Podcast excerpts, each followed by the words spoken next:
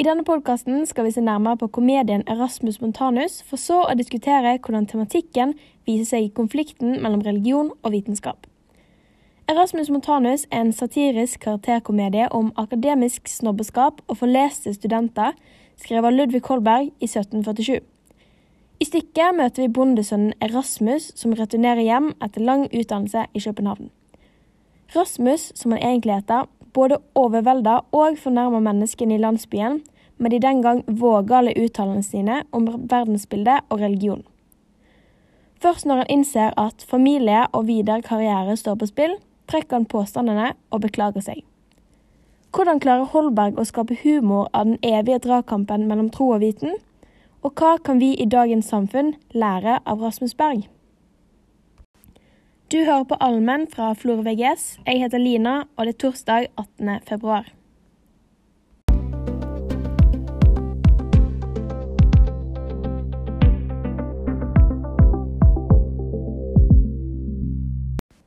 Det er trygt å si at Ludvig Holberg fra Bergen var en av de mest sentrale skandinaviske forfatterskikkelsene fra 1700-tallet. Han var en sterk forkjemper for opplysningstiden og var opptatt av at samfunnet skulle tuftes på fornuft og vitenskap. Holbergs holdninger gjenspeiler opplysningstidenes mest sentrale verdier. Religion og overtro måtte vike for kalde, harde fakta og humanistiske ideer. I Erasmus Montanus er det heller motsatt. Her blir Erasmus, en av Københavns angivelig beste disputater, latterliggjort av overtroiske og uvitende bønder. Muligens er dette et eksempel på at opplysningstidens idealer kan se bra ut på papir, men ikke alltid måler seg med trøsten og stabiliteten man gjerne finner i en religion.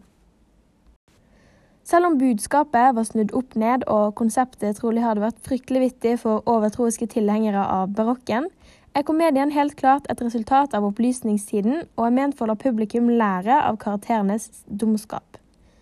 Erasmus feiler å innse at kunnskapsmetropolen København og bondesamfunnet i Distrikt-Norge er direkte motsetninger til hverandre og må behandles deretter.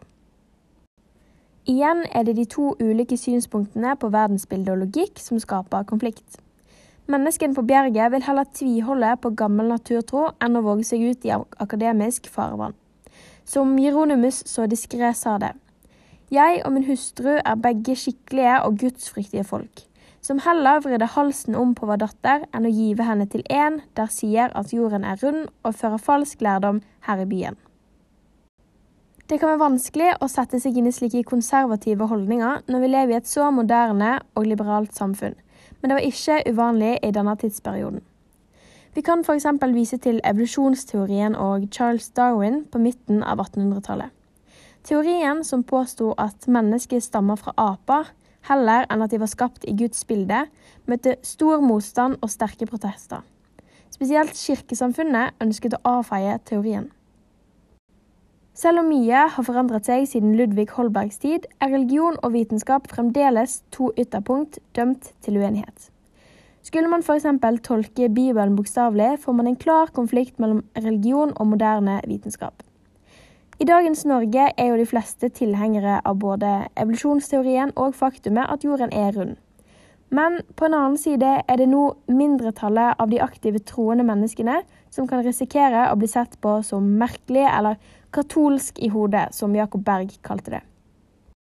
Det å kalle noen katolsk i hodet på en nedlatende måte var noe jeg reagerte på.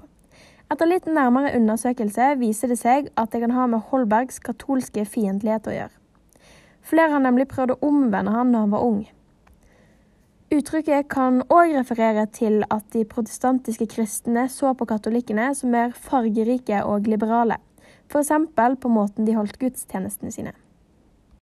Men tilbake til stykket.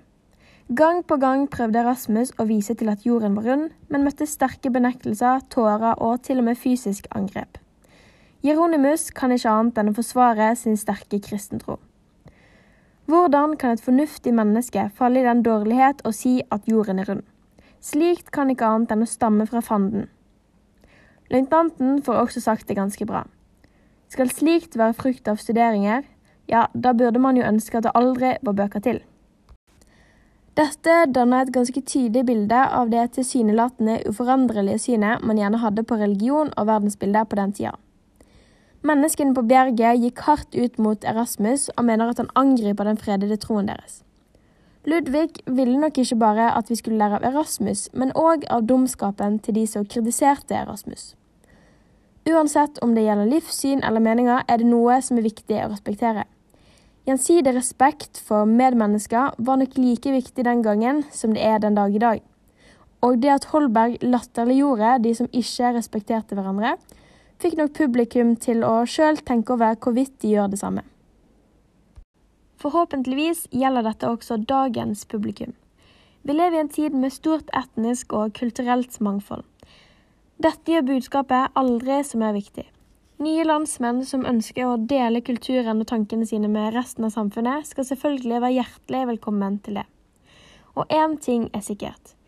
Om alle skulle vært like fiendtlige og etnosentriske som på Bjerget, ville integreringspolitikken sett ganske annerledes ut. Til slutt vil jeg komme med en teori om bakgrunnen for stykket. Ludvig var jo sjøl vitenskapsmenn som studerte i København og lærte latin. Visstnok hadde han òg kristne bønderne ikke så veldig langt tilbake.